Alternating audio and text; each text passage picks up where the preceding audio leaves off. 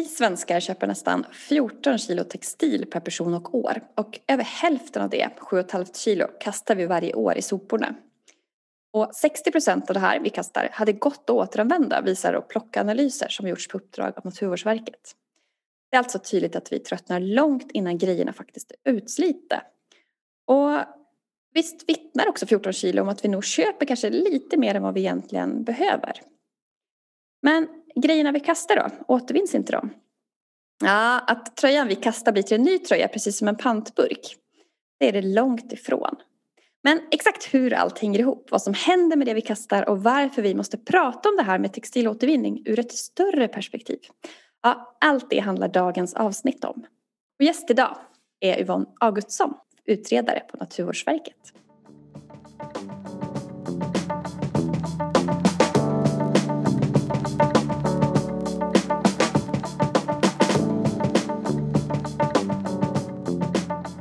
Lyssnar på Slow Fashion-podden och jag heter Johanna Leiman och jag är föreläsare, författare och influencer inom hållbart mode. Slow Fashion-podden för dig som vill inspireras och få ny kunskap om textil och modeindustrin på ett lättillgängligt sätt. Men absolut inte förenklat. Om modevärldens konsekvenser och såklart hur vi löser allt. Hej Yvonne! Du jobbar som sagt på Naturvårdsverket. Ja, tack för att jag får vara med i ditt program eller din podd idag. Och tack för att du vill vara med för jag tänker att du är absolut bäst i Sverige på det här med textilåtervinning. Oj, eh, jag kanske inte bäst skulle jag inte vilja säga att jag är. Men, men eh, topp i alla fall. ja, jag, jag, jag har ganska bra koll på hela värdekedjan skulle jag vilja säga för textil på ett övergripande sätt och eh, textilåtervinning är ju en del i den textila värdekedjan men absolut inte kanske den viktigaste som man många gånger tror. Nej, för där pratar vi också hållbara affärsmodeller och återanvändning mm. till exempel. Absolut. Mm. Eh, och, och det, när man pratar just om eh, textilåtervinning eller textil överhuvudtaget så, så behöver man faktiskt tänka igenom hela värdekedjan från produktion och konsumtion till just avfallshantering där textilåtervinning är en del. För allt hänger ju ihop. Vi, ja men precis, vi kommer ju komma tillbaka till det här tänker jag om och om igen det här med liksom avfallstrappan, den gamla klassiska eh, där återvinning är steg tre men steg ett är såklart minimera mängden som produceras och eh, förlänga livslängden då, steg två på allt det andra. Mm. Så jag tänker hållbara affärsmodeller och återanvändning är ju steg ett och två egentligen. Absolut. Och jag tänker också att det här är ju väldigt viktigt. Vi pratar ju mycket om cirkulär ekonomi, att allting ska cirkuleras i ett oändligt kretslopp.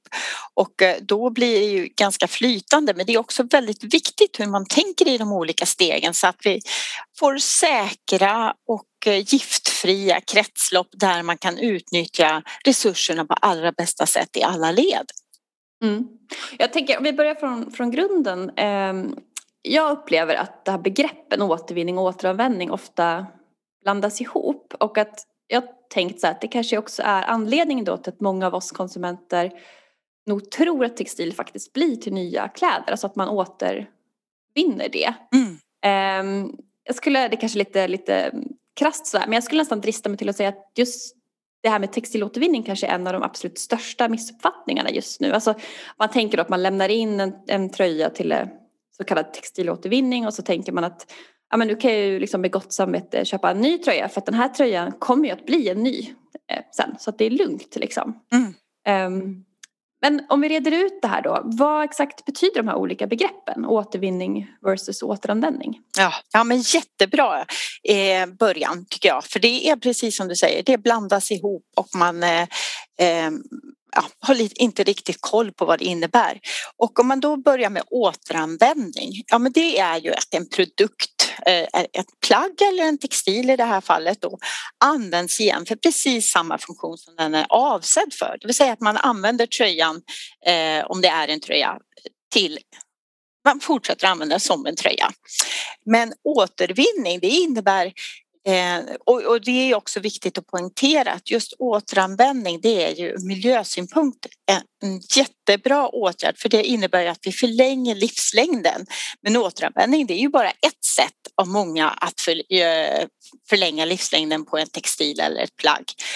Och eh, eh, återvinning det innebär att man hanterar någonting som faktiskt har blivit avfall och att man, eh, det här då kommer till nytta igen. Och det kan vara att man använder det som ersättning för ett annat material eller att det förbereds för att eh, bli, eh, förbereds för att återanvändas igen men att det genomgår någon form av översyn eller process. Eh, så det är viktigt att komma ihåg att det här berör olika faktiskt lagstiftningar. Och det är det här som blir lite problematiskt. Sen vill jag också säga det att det här med begreppet återvinning, det omfattar jättemånga olika saker. Det är inte bara det att det kan vara förberedas för återanvändning utan det är också att det är remake, det är fiberåtervinning, materialåtervinning eh, och det är alla de här är ju olika saker som begreppet återvinning står för. Och sen så kan det ju också vara återvinning där materialet blir till fyllnadsmaterial eller vi klipper det till trasor etc. Eller energiåtervinning, det vill säga att vi bränner eh, det insamlade materialet och självklart då utvinner energi. Men ur en miljösynpunkt så är ju det här absolut inte det bästa, utan det är ju att man kommer så högt upp i avfallshierarkin eller avfallstrappan som du var inne på. Det vill säga att man i första hand då förbereder det för återanvändning. Eh, man kanske tvättar, man stryker, man eh, på något sätt hanterar det så att det blir eh, tillgängligt igen. Då tänker vi till exempel sälja som second hand. Ja, exakt. Men remake det innebär ju till exempel att man om det är ett ett plagg som till exempel har blivit trasigt så klipper man ut och använder, att man frigör det materialet och så, så blir det en ny produkt. Det är också jättebra. Men återanvändning för exakt det ändamålet som den är tänkt från början det är ju absolut det bästa för det kräver ju inte så stora resurser. Men om man, om man tänker då på någon slags trappa då som du säger där liksom minst resurs versus mest om vi tittar på just på hur man kan liksom, återvinning, återanvändning så att säga. Som du säger, först då ja. har vi återanvändning och då har vi att förbereda för second hand till exempel. Eh, och remake, vart sorterar du in det? Jag, tänk, jag sorterar in det som återanvändning. Alltså, men det, kanske, men det är just den här begreppsförvirringen lite grann. Att jag tänker ju, du nämnde begreppet fiberåtervinning. Att det är så jag tänker ja. på återvinning. Alltså att man bryter upp någonting och sen så liksom, sätter man ihop det igen eller vad man ska säga. Som en pantburk, mm. att man smälter ner den och så gör man en ny. Liksom att det är samma sak med, med textil. Men hur ska, jag, hur ska man tänka här för att det ska bli liksom rätt? Ja, eh, jag skulle tänka, eller just det här med återanvändningen. Att återanvända, eh, om jag tänker så här att nu har jag en tröja och den har jag vuxit ur Eh, Ehm, då kan jag lämna den för återanvändning. Jag kan göra det. Jag kan sälja den på Blocket eller Ebay eller Tradera eller på något annat ställe och då är det någon annan som kommer att använda den längre tid. Detta är typisk återanvändning. Men sen kan det ju vara så att jag lämnar det till eh, min tröja till en insamling som eh, för eller återvinning och då behöver den sorteras och behandlas på ett annat sätt för då kommer den att hamna i en insamling där det är liksom både trasiga och hela plagg och så vidare och då räknas den här insamlingen som ett avfallshantering och lyder under en annan lagstiftning. För återanvändning, det kan vem som helst eh, starta eh, en second hand-butik till exempel eller man kan eh, samla in för att ge till någon annan behövande. Ehm, men däremot avfallshantering, då måste du vara eh, du, måste anmäla dig som en avfallshanterare helt enkelt för att du samlar in alla former av textilier, både hela och rena och trasiga. Och det här är det egentligen det som är den stora skillnaden. Att det rör en annan lagstiftning, det är jätteviktigt för att vi, om vi har någonting som är eh, avfall så måste det vara någon som ansvarar för den här. Men det är ingenting som säger att ett avfall inte kan upphöra att vara avfall. Och det är ju det som händer om det är då hela plagg som sorteras ut för att förberedas för återanvändning. Mm. Blev det där tydligt? Ja, jag fattar precis vad du menar. Att då kan man nästan säga att begreppet ja. återvinning, det kan inte jag som liksom om jag har, säger att jag startar ett företag eller liksom en butik eller så, då kan jag egentligen inte använda det begreppet utan att vara anmäld som så kallad avfallshanterare eller vad man ska säga. Nej, ja, exakt. Då är jag helt med. Nej, men du kan däremot eh, ha, du kan ha en verksamhet för återanvändning. Men anmäler du dig att du är, eh, hanterar avfall så är, så är det inte eh, ett stort problem. Det är bara att man behöver ha någon som är utpekat ansvarig. Men i dagsläget så är det ju kommunen som är ansvarig för insamling av textilavfall. Mm. Ja. ja men precis, kommunen är ju den som har ansvaret för eh, och där ska man ju lämna in på sin kommunala återvinningscentral. Jag tänker det är också den här liksom, jag tänker nu har ju rätt upp ordet men det är också det som blir lite förvirrande för oss då konsumenter att, att vi tänker att du lämnar in det på återvinningscentral och så får man den här liksom mentala bilden av den här pantburken som jag hela tiden liksom återkommer till. För jag tänker att mm. Där tänker man att det är ett slutet system. Fast det är det ju egentligen inte heller, även på pantburken. Men att men det är ju inte riktigt så. Som du säger, då blir det, det lämnas in som ett avfall. Men sen så sorteras det upp och blir lite vad som helst helt enkelt. Att det kan upphöra att vara ett avfall om det nu går tillbaka till, eh, som du sa, fiberåtervinning eller materialåtervinning eller så. Eller hur? Ja. Mm. Nej, men, eh, om det är så, alltså, i dagsläget så är det kommunen som har ansvaret för att samla in textilavfall. Och jag skulle vilja säga att kommunen gör det väldigt bra. De tar ju hand om bland annat de här sju och ett halvt kilona som hamnar i soppåsen. Eh, och även om det i dagsläget då går till energiåtervinning så, så gör de ju precis utifrån sitt utpekade ansvar. Men nu är det ju nu ska ju eh, alla medlemsstater i EU samla in textilavfall separat från annat avfall från och med 1 januari 2025. Och det är ju det här, vi vill ju utnyttja textil och textilavfallet som en resurs och vi vet ju också som du inledde programmet eller den här podden med att säga att över hälften, nästan 60 procent av det som slängs i soppåsen faktiskt är helt och rent och, och, skulle och bedöms vara möjligt att användas för en längre tid. Och då behöver vi ju eh, kunna sortera ut det här och för att man ska maximera eh, och kunna använda det insamlade materialet eh, resurseffektivt så behövs det en separat insamling för att om man samlar in det med annat avfall så blir det ju eh, kontaminerat eller kaffesumpen kommer ju att färga tröjorna och, och textilien så att de inte kommer att kunna användas eller materialåtervinnas. Mm. Så det här med separat insamling det är jätteviktigt men i dagsläget har vi inte något eh, finns det ingenting som styr att det ska samlas in på detta viset. Men många kommuner har redan börjat och därför är det jätteviktigt att man eh, om kommunen har en, en separat insam, textilinsamling så ska man självklart utnyttja den för att det gör ju att man kan sen sortera så att textilavfallet, ehm, det som är helt och rent, verkligen kan då förberedas för återanvändning. Eller det som är eh, bomullsfibrer kan gå till textil, eh, textilåtervinning, alltså direkt fiberåtervinning. Eh, medan sånt som är då kanske fläckigt kan användas till trasor och det är ju fortfarande, då kan det användas på ett effektivt sätt så att vi tar tillvara på alla delar oavsett vilket skick det är. Men om man, om man ska mm, jag tänker just på, som du säger, kommunerna samlar in det här men det vi vet också idag är ju att man har en separat insamling men, men i praktiken så är det så kallad energiåtervinning, alltså att man bränner det och att det blir värme mm. Eh, på väldigt många håll. Eh, mm. vad, hur ska man tänka här? Som, alltså det känns, ju, det känns ju väldigt konstigt liksom på något sätt som ja. konsument. Ja, men självklart. Eh, men, men som sagt, det finns faktiskt flera kommuner, eller ganska många kommuner som har en separat insamling. Så om man är osäker så tycker jag man ska fråga sin kommun. Och många gånger så finns det information om var den här eh, separata eh, insamlingen för textilavfall finns. Om den är på återvinningscentraler eller om den finns eh, någon annanstans i, i, i samhället eller staden.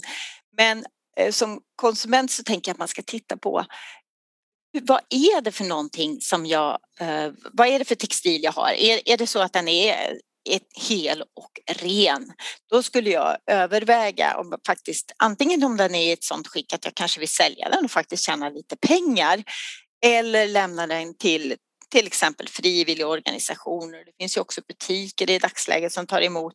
Eh, så det, det, och lämnar man det till en frivilligorganisation till exempel som tar emot textil, då blir det ju aldrig avfall utan då kommer den ju att gå direkt till återanvändning och då vet man ju det redan innan så att säga.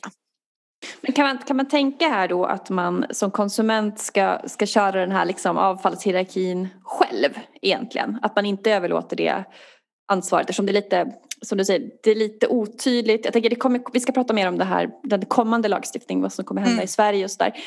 Men att som det är idag så man har kanske, vissa kommuner har en separat insamling, vissa har det inte, vissa eh, sorterar, vissa kanske bara kör en energiåtervinning, eller hur? Mm. Men att om jag liksom tänker då avfallshierarkin själv, alltså som du säger, är det mm. helt och rent då lämnar jag det till second hand eller ger det vidare till någon jag känner som kan ärva det och vill ha det liksom. Eh, är det lite trasigt, laga eller gör egen remake. Eh, och är det så att det är, eller så försöker jag tänka själv att jag tycker det är så otroligt jobbigt att, eh, för jag bor ju i Stockholm och, eller i Solna och där kastas det ju brännbart liksom. Och jag tycker att det jag kanske har lite för många trasiga strumpor som, som ligger för att jag tycker att det är så himla jobbigt att kasta liksom.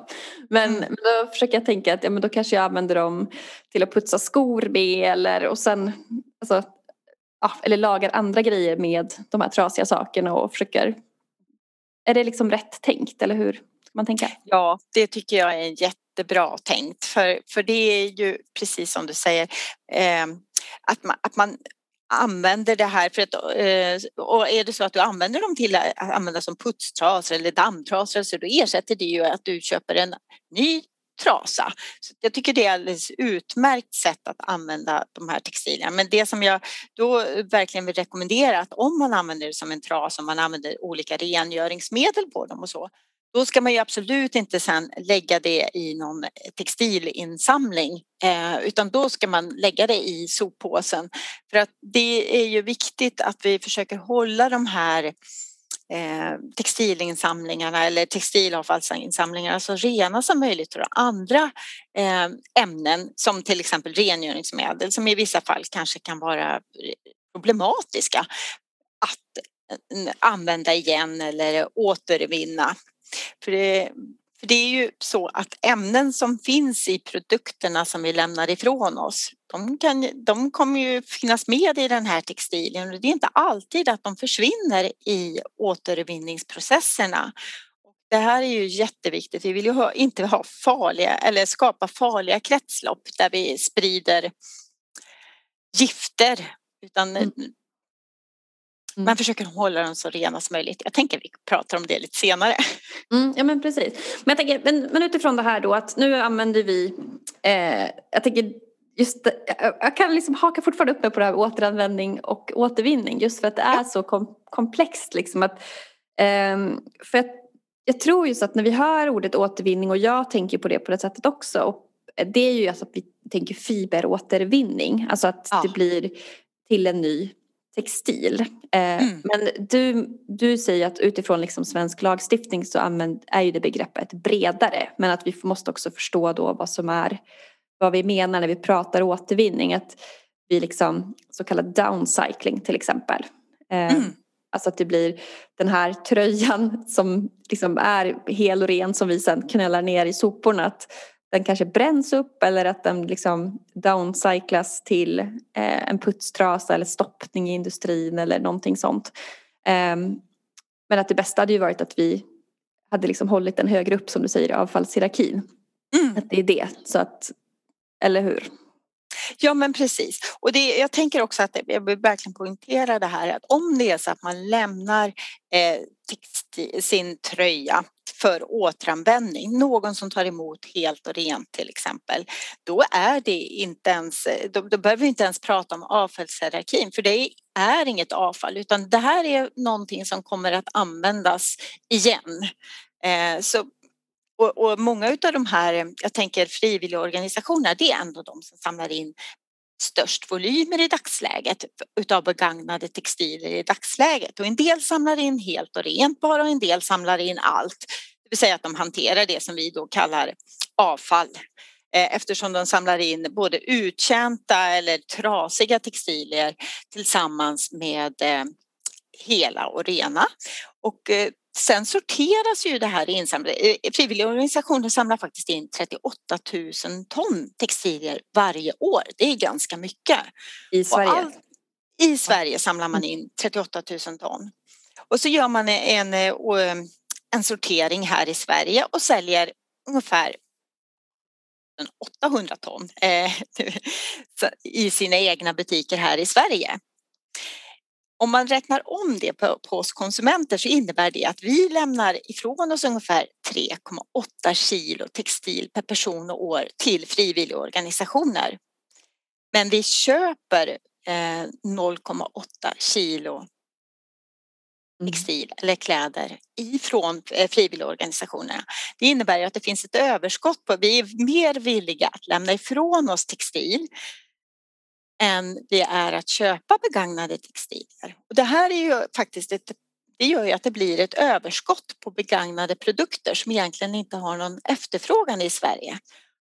Och den här, eh, en stor del av det som, där, som samlas in, det exporteras därför för vidare sortering och återanvändning i andra länder. Mm.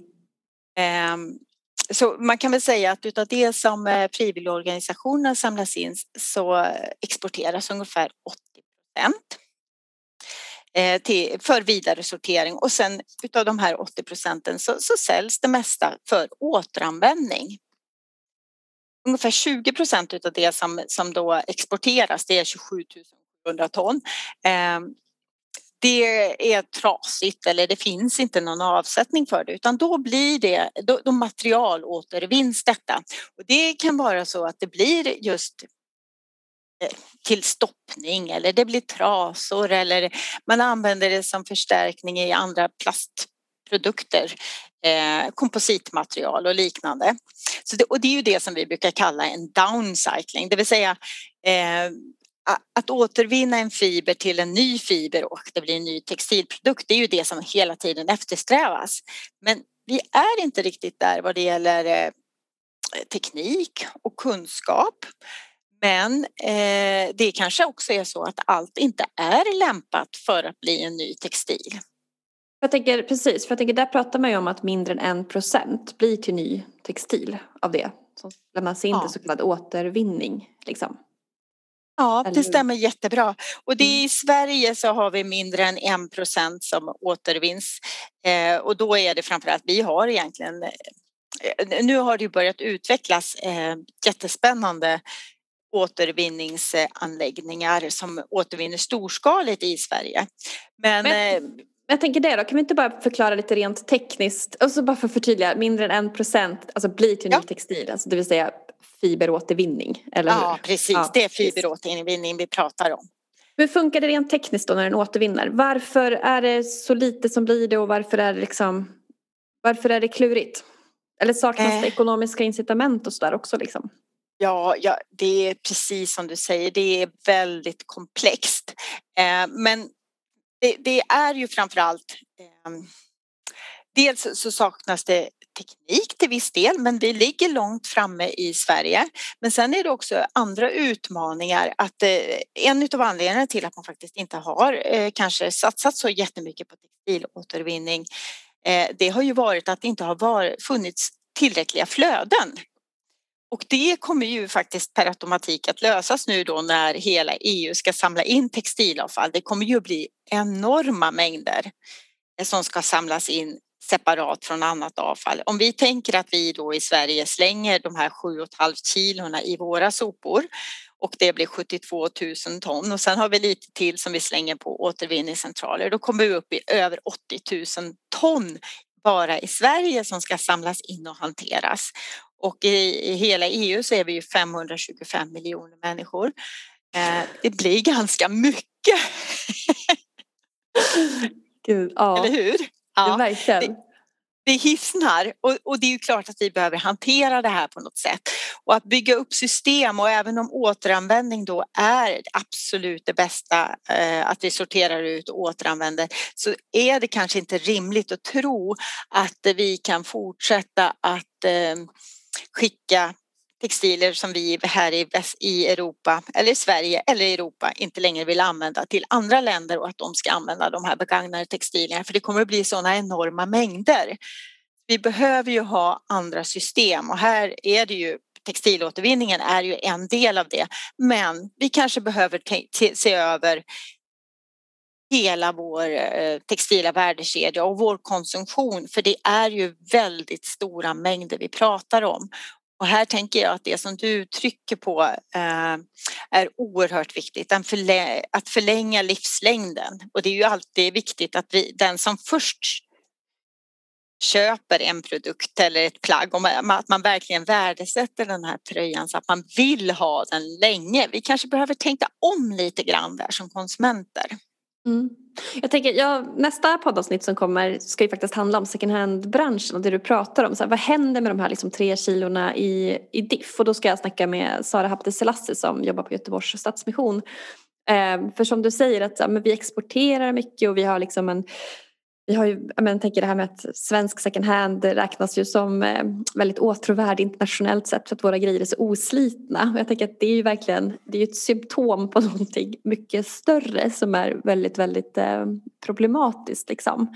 Ehm, men jag, jag upplever ibland att det pratas från bland annat vissa inom modebranschen där om att textilåtervinning är då liksom en lösning på vår snabba modekonsumtion. Att vi köper liksom mycket nytt ofta och använder kort stund och sådär att så fort vi bara har en fungerande textilåtervinning på plats, alltså fiber, fiberåtervinning så att säga, mm. eh, så blir det ett cirkulärt system och då kan vi fortsätta konsumera som vi gör idag. Men det håller inte du med om, antar jag? Nej, eh, ur ett miljösynpunkt så är ju inte det här försvarbart.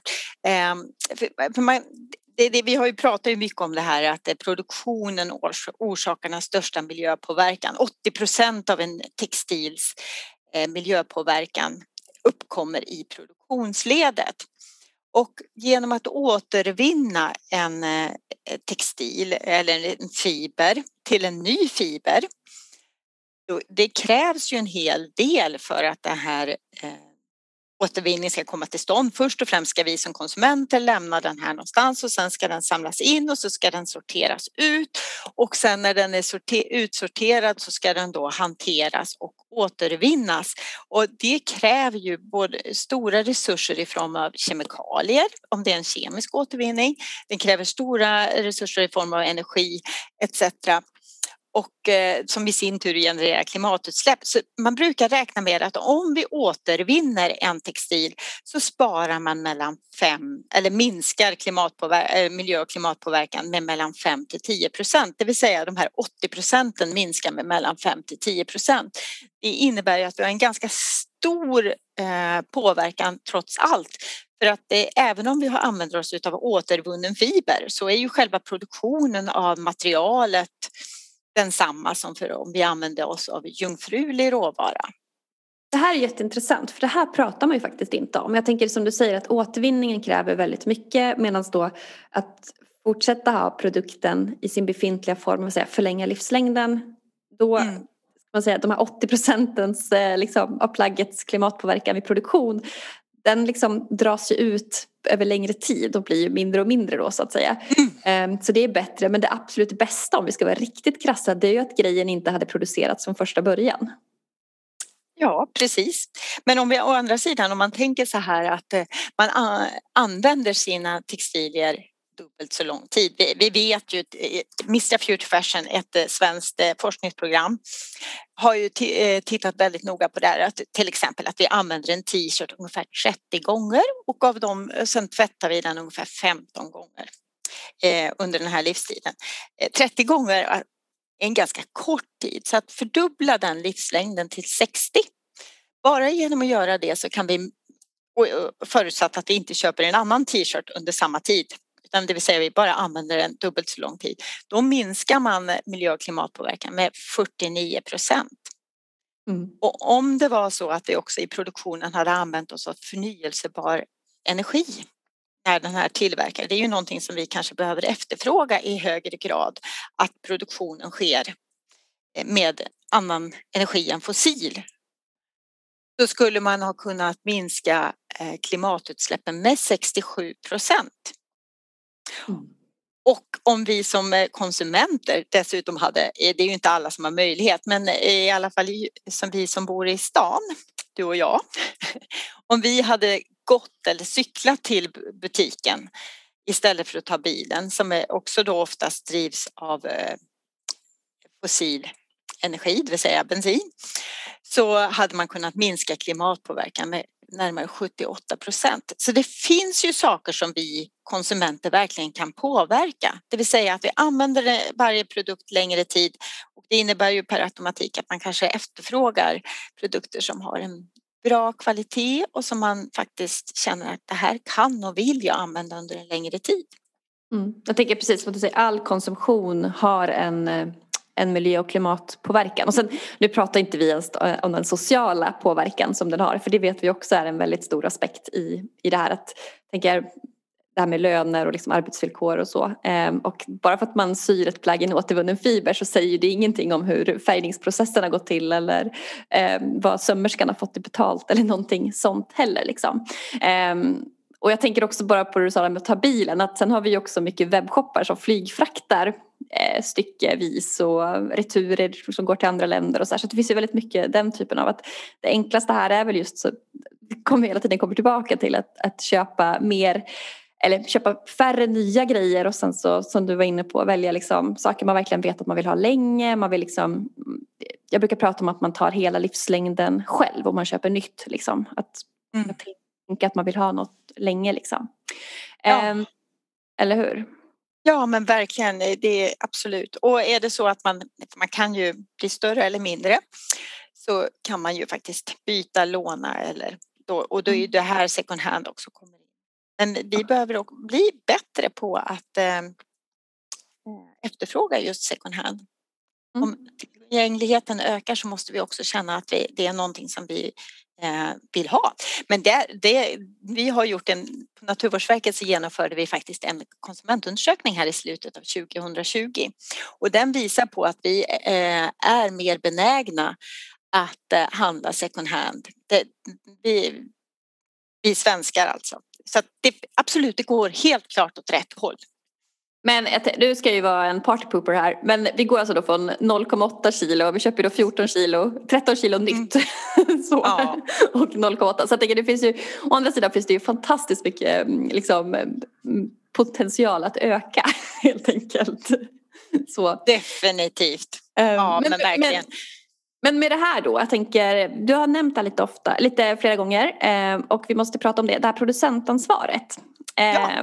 Vad för det är väl där man hoppas och tror också då att det kanske ska öka den här liksom efterfrågan. Eller framförallt så kommer vi få väldigt mycket mer produkter på, på marknaden. Så fun- berätta, vad funkar det? Hur funkar producentansvaret och eh, det var ju, du var också sekreterare för den utredningen, en SO-utredning som släpptes i december 2020. Ja, ja men det stämmer. Eh, utredningen har ju lämnat ett förslag på, till regeringen om hur ett producentansvar skulle kunna utformas. Det här är ju då ett förslag som har varit ute på remiss fram till och med den 17 mars och eh, som det är nu så har en rad aktörer lämnat in en, eh, synpunkter på det här förslaget. Så nu ligger det här hos regeringen att eh, eh, ta hand om de inkomna synpunkter och sen eh, uppdatera det, det förordningsförslag som, som utredningen har lämnat och därefter tar ju regeringen då beslut om huruvida ett producentansvar ska instiftas.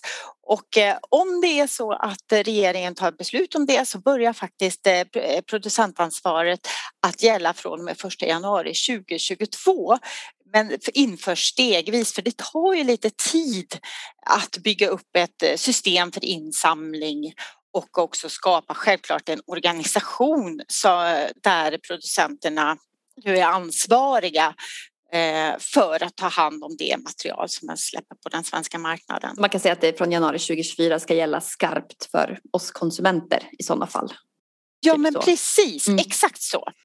Jag förstår. Men vad exakt är då det här producentansvaret och hur, hur kommer det att funka?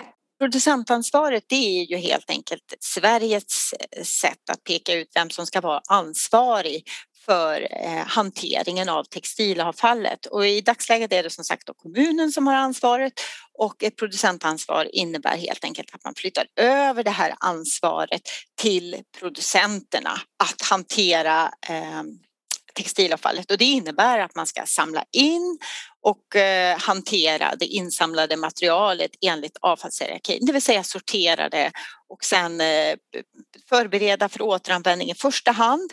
Eh, vi har också skrivit att det ska sen i andra hand gå till remake eller fiberåtervinning och sen så är det ju då textilåtervinning på andra sätt som gäller. Eh, Producentansvar, ja men vad innebär det egentligen? Jo men det innebär ju att det ska finnas lättillgängliga insamlingssystem över hela Sverige. För det måste ju vara lätt att göra rätt. Eh, det, som sagt, det, vi, det är jättebra att man lämnar ifrån sig sina textilier direkt för återanvändning eller sälj eller så. Men det är ju faktiskt så att eh, alla kan inte och alla vill inte göra det här. Utan då måste det vara lätt att lämna ifrån sig textilierna på ett behändigt sätt så att någon annan tar ansvar för att sortera det här på bästa sätt. Eh, så, det, det, eh, så att man inte slänger textilierna i soppåsen. Det är, det är själva syftet, att minska det som slängs i soppåsen och att man eh, samlar in det här för och använder det som en, en eh, resurs. Och eh, det, det, innebär att det alla producenter måste ansluta sig till ett insamlingssystem och det måste ja, bildas ett materialbolag eller ett insamlingssystem som sköter själva driften för den här insamlingen. Där kan man jämföra med, jag tänker jag, det, man, det är väl inte helt klart i detalj hur det här kommer funka men man, men man tänker väl där att det kommer vara alltså lite jämförbart med hur vi har på glas och metall och eh, plast idag, eller hur? På ja, exakt. Nej men exakt så kommer det att bli och eh, det är ju inte som sagt helt eh, hugget i sten för att i, den här utredningen så har vi inte pekat ut att det ska just vara textilavfallsbehållare på eh, insamlingsstationer som ska finnas. Men, men eh, det kan ju mycket väl vara så att det är så att man samlar in textilavfallet genom att det kör en bil eh, och samlar in det här x antal gånger per år. Och det kan väl vara så att det faktiskt kan Eh, att, att själva insamlingssätten kan skiljas eh, lite beroende på var i Sverige man befinner sig för att vi har ju lite olika i, i tätbebyggda områden så kanske det är fullt möjligt att det är lättare att lämna i en insamlingsbehållare när man går förbi. Men i, i mer glesbebyggda områden så, så kanske det är lättare att det faktiskt kommer en, en eh, bil och samlar in textilavfallet. För det är också viktigt att det material som samlas in och det är också en utav eh, det här producentansvaret eh, som vi pekar ut som en viktig åtgärd är det också att man samlar in det på ett sätt så att det inte blir förstört. För vi vill ju inte att det ska bli fuktigt eller mögligt för då kan vare sig det här materialet återanvändas eller materialåtervinnas. Så det måste ju göras på ett sätt så att man faktiskt kan använda det insamlade materialet. Mm. Eh, det är en jätteviktig parameter som man kanske glömmer bort ibland. Just det här med att det kan bli förstört när det ligger i behållare. Att det eh, blir fuktigt. Men och då utifrån det här producentansvaret då, då är alltså själva, en producent är alltså en person som, som sätter produkten på marknaden i Sverige, eller hur? Alltså ja. en butik eller den typen av, liksom, eller ett märke om man ska säga. Ja, det, exakt. Det är eh, en producent som för in eh, textilien till Sverige och sätter den på marknaden, tillgängliggör den helt enkelt. Och det innebär ju till exempel att även om vi som privatkonsumenter eh, handlar på, på nätet så är den näthandlaren en, blir en producent eftersom den gör att jag kan köpa de här byxorna. Det är så spännande. Jag tänker, du jobbar ju, nu var ju du tjänstledig från Naturvårdsverket när du gjorde just den här utredningen. Eh, ja. Men just det här hur otroligt komplext det är liksom lagstiftningsmässigt vilket jag då som vanlig person inte vet om. Alltså jag satt och kollade igenom den här SOU-utredningen och det är verkligen så här, det här ska ändras i miljöbalken, det här ska ändras här och alltså det är mycket jobb liksom och mycket variabler och många aspekter som liksom ska tas in för att, att få till det här. Ja, jo men det är det ju verkligen. Eh, men som sagt, vi har ju trots allt redan eh, åtta stycken producentansvar på plats i Sverige för lite olika. Det är ju precis som du nämnde plast och glas och ja, men förpackningar framför allt som samlas in men det är även eh, tidningar och papper batterier och däck och så vidare. Så att vi har ju en ganska bra struktur för det här så att jag är full av förhoppning för att det här kommer att fungera alldeles utmärkt. Men det är också viktigt att komma ihåg att det här kommer att beröra ganska många producenter. Vi har ju rätt många butiker eh, i Sverige så det blir ju närmare 7 500 producenter som kommer att eh, involveras i det här systemet. Och det kommer ju att involvera också alla konsumenter för vi som konsumenter måste ju ta reda på fakta då var vi ska lämna de här textilavfallet någonstans eh, på bästa sätt. Och vi måste sortera ut det och det, det kommer ju alltid vara lite jobbigare än att slänga det i soppåsen som ganska många av oss också har gjort. Eh, så att alla kommer ju att beröras mm. på ett eller annat sätt. Alltså jag tycker att det är så bra just det här att man ändå lyfter upp den här frågan. För jag tänker, det här producentansvaret kommer också rent krast innebära att man kommer man få energiåtervinna eh, textil. Nej, det, vi har, det här är producentansvaret, det är ganska högt ställda mål mm. och eh, målet är ju då som sagt att det, det, ska minska mängden som slängs i restavfallet eller i soppåsen. Så att eh, målet är att 2036 så ska det bara, då ska 90 procent av det som idag hamnar, eller rättare sagt det finns ett mål, vi ska göra en ny plockalanalys och se hur mycket textil som ham, textilavfall som hamnar i soppåsen 2022. Men den senaste beräkningen visar just att det är 7,5 kilo. Så det innebär att det ska minska ganska mycket. Men målsättningen är att det inte ska brännas, eller hur? Liksom Eh, nej men precis, det ska komma så, det, i första hand ska det ju då förberedas för återanvändning så att vi återanvänder, förlänger livslängden. Men det förutsätter ju också att, någon, Eh, att det finns en efterfrågan på det här materialet eller textilierna, att vi vill återanvända dem. Och i andra hand så är det då remake eller fiberåtervinning som gäller. Det tycker jag är så spännande också för att jag tänker det händer så himla mycket här. Jag menar bara i Sverige har vi ju massa spännande grejer på gång. Jag tänker på vi har Renewcell, vi har skogsbolaget Södra som på olika sätt har liksom dragit igång just fiberåtervinning. Alltså att man ska kunna göra ny textil av liksom eh, eh Renewcell finns ju i Kristinehamn och de vad jag vet gör väl bomull, alltså att man gör om det till viskos till exempel genom en, en kemisk process, eller hur? Ja, men, jo, men precis. Men, eh, Renusell använder sig av cellulosamaterial och det är framförallt bomull som de är intresserade av. Och det behöver vara en ganska hög renhet på den här, det vill säga att det är nästan eh, 95 procent bomull i den, den eh, råvaran som de då återvinner.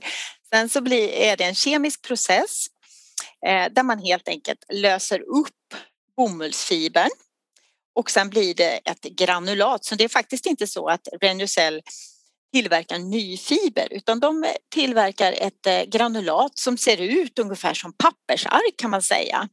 Och sen så eh, eh säljer man det här vidare till återvinnings eh, återvinningsföretag som, som eh, löser upp det här och sen så spinner man det då till viskos eller lyocell. Södra tänker jag har väl något liknande också. För jag tänker det är ju så traditionell viskosframställning går till. Alltså att man tar, då tar man ju cellulosa från skog.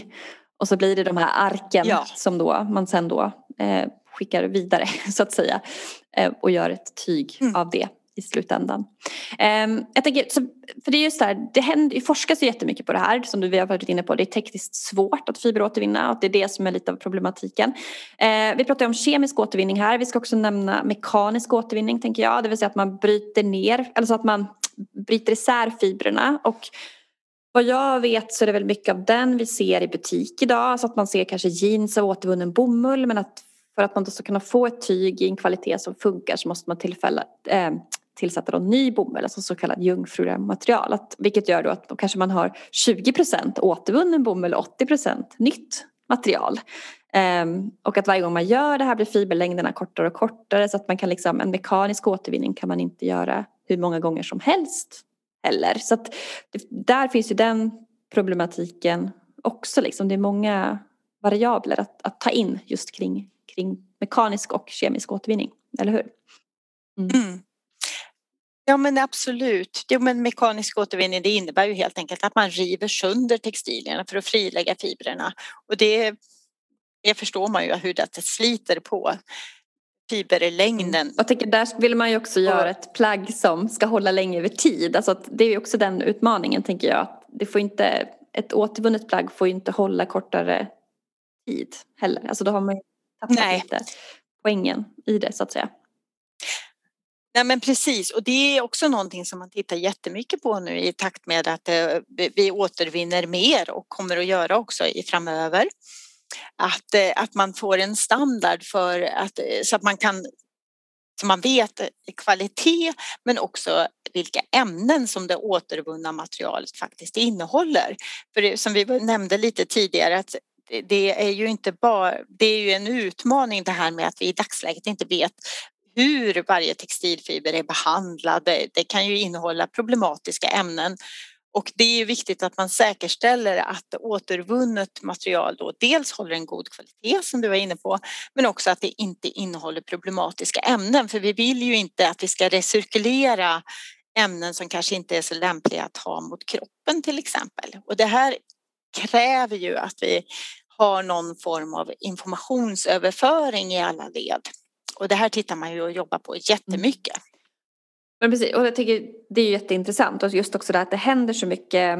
Eh, för jag tänker som du säger, nu kommer producentansvaret och då kommer det liksom hända mycket där och sen så det forskas jättemycket på det här. Vi har liksom fiberåtervinningsprocesser som nu än så länge är det mer så forskning och småskaligt men att man där liksom håller på att skala upp egentligen vilket är superspännande. Och sen tänker jag också på Eh, sen har man ju pratat om att det finns en, den här sorteringen då av plagg, att den länken.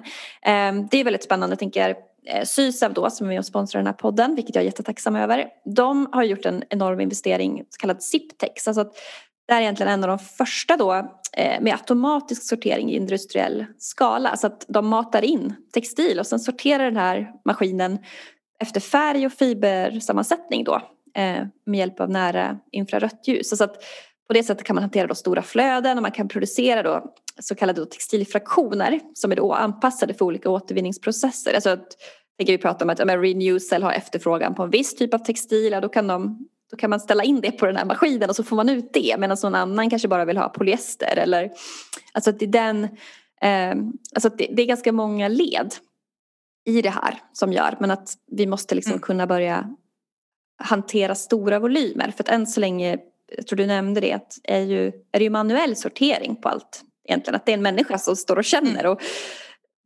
våra kläder är ju komplexa. Alltså att jag tänker, man kollar i ett par strumpor och så bara, ah, det är 80 procent bomull och så är det 16 procent polyamid och så är det 4 procent elastan och så bara, hur separerar man det här liksom? Eh, det är ju mm. Ja, men det är ju en jätteutmaning eh, och eh, just för textilåtervinning så är ju den här automatiserade textil eller eh, sorteringsanläggningen som Siptex faktiskt är skulle vilja säga att den är unik i sitt slag i världen och det, det, den har ju rönt mycket uppmärksamhet.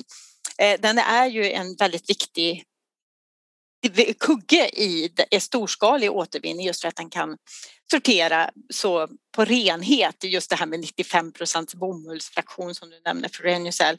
Men jag, jag, vill ändå bara påpeka att det, det, även om vi skulle automatisera så småningom, nu finns ju inte det så många automatiserade sorteringsanläggningar i världen än så länge, så kommer nog manuell sortering alltid att vara eh, behövas just för att man kan sortera på mode och trend och för olika marknader. Men eh, det är ju för återanvändning och det är ju där vi vill, vi får inte tappa det steget. Nej, det är jätteviktigt att det föregås av manuell sortering och sen Eh, när man ska återvinna så går det till automatiserad sortering. Så det krävs ju egentligen två steg. Bra att du, jättebra att du förtydligar det. Precis. Det är ju så här, det är ju också väldigt, det är ju, eh, jag tänker Sysav har en egen podd som heter Avfallet som jag, och där pratar de just om det här, på så här nej det ska absolut inte komma någonting i Ziptex som skulle kunna gå att använda utan det ska bara in sånt som är liksom för trasigt och inte går att laga och sådär. Att det är jätte, som du säger, det är viktigt att det, liksom, det ska bara in rätt grejer på alla ställen, alla steg liksom. Eh, Och inte mm. användas som en ursäkt då för att vi ska kunna fortsätta rulla det här systemet liksom. Som vi har idag. Egentligen. Men jag tänkte innan vi avrundar det här så måste jag ändå lyfta en tanke som jag har. Det här kommande producentansvaret. Tänker att eh, ni mm. formulerar det så fint i den här utredningen att, att förorenaren ska betala. Eh, typ att det är den som faktiskt eh, på något sätt, ja ni kanske inte använder de orden, men så här, skapar problemet som också ska lösa det. Så. Ja. ja. Eh, jag tänker att finns det en risk, alltså i den bästa av världar som du säger, då kommer vi kasta mindre och vi kommer vara medvetna om vad vi kastar och det vi kastar sker, går efter just den här liksom hierarkin som vi har pratat om nu under hela avsnittet. Men det kan ju också finnas en risk, alltså att företagen på något sätt rent börjar kommunicera i stil med att men de tar, jag tar, vi tar ansvaret när du har tröttnat så du kan fokusera på det här nya härliga, du kan bara lämna in, så fortsätt shoppa. Liksom. Um, kan det finnas en risk för det eller kommer producentansvaret i grunden kunna ändra vad och hur företagen sätter nya produkter på marknaden? Vad, vad tänker du? Ja, nej, producentansvaret kan inte lösa alla problem med det, vår textilkonsumtion. Långt ifrån eh, faktiskt, utan det, det, handlar om eh, avfallshantering, det vill säga att samla in eh, saker som vi inte längre vill ha, eh, ha på grund av att de är uttjänta, att vi har fullt i garderoben eller de är urvuxna. Det är, anledningar till att vi gör oss av med textilier är ju väldigt många, men det är den här avfallshanteringen som den fokuserar på. Sen eh, har vi också producentansvaret lyft att många av de här frågorna, vi vill ju till exempel att eh, textilier som sätts på marknaden då inte ska innehålla till exempel problematiska ämnen och liknande. Och det är ju sånt man behöver tänka på redan i designstadiet att, och att de produkterna ska av en sådan kvalitet att de kan användas under lång tid. Men det, det kan tyvärr inte regleras i producentansvaret på grund av att vi är med i EU och vi måste ha likvärdiga krav på produkterna som sätts på marknaden. Så det här är någonting som Sverige kommer att behöva driva i tillsammans med EU så att man eh, sätter upp eh, eh, gemensamma krav på produkterna och då kommer man ju komma en bit längre. Men samtidigt så är det ju så att eh, eh, vår konsumtion behöver också förändras för det är ju onekligen så att vi har ju, du nämnde tidigare Johanna att vi köper 14 kilo textilier eh, per person och år och i det så ingår inte ens det som vi faktiskt eh, köper via e-handel från andra länder utanför Sverige. Så att det, den siffran är förmodligen högre. Eh, och om man då jämför med eh, 2000, då handlade vi eh, drygt 10 kilo textilier per person och år. Så vi har ju ökat vår konsumtion de senaste 20 åren med nästan 30 procent. Och samtidigt så lägger vi faktiskt mindre pengar på textil i dagsläget än vad vi gjorde år 2000. Så att textilierna har blivit billigare och vi köper mycket mer. Och det här är ju någonting som vi behöver se över självklart.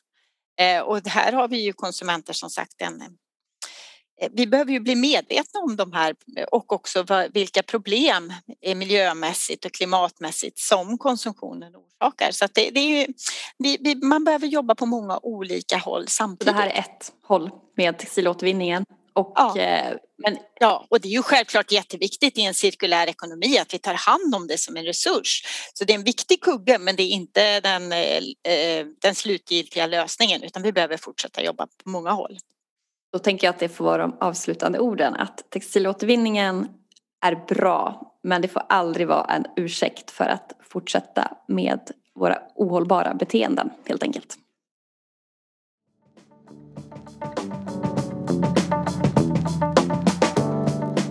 En mer hållbar modevärld är min passion och mitt engagemang. Jag vill ju att podden ska vara gratis men såklart är den inte gratis att göra så därför är jag oerhört tacksam till alla er som på olika sätt supportar den. Sysav som vi pratade om med Ziptex bland annat har ju sponsrat det här avsnittet. Tack så jättemycket. Eh, Sysav hittar ni i Skåne och de omhändertar ju avfall och förädlar och för tillbaka värdefulla resurser. Eh, och precis som vi har pratat om i hela det här avsnittet, de verkar ju för ett samhälle med cirkulära flöden, hållbar produktion och konsumtion. Och där målet är att inget onödigt avfall ska uppstå. Tack också till er som är patrons och skänker en liten summa varje avsnitt. Vill du också bli patron så hittar du all info på patreon.com slowfashionpodden. Eller om du hellre vill supporta med en engångssumma så får du mer än gärna swisha det du tycker är värt. Numret är 123 199 7204. Du får också supergärna betygsätta podden i din poddapp eller tipsa vidare till dem du tycker borde lyssna på den. Och tack för att du har lyssnat. Tusen tack för ditt stöd också. Och du hittar mig på johannaleiman.se och på johannaleiman.se på Instagram också, heter samma sak där. Och där fortsätter ju alltid samtalet. Och tack Yvonne för att du ville gästa podden. Stort tack för att jag fick vara med, jätteroligt!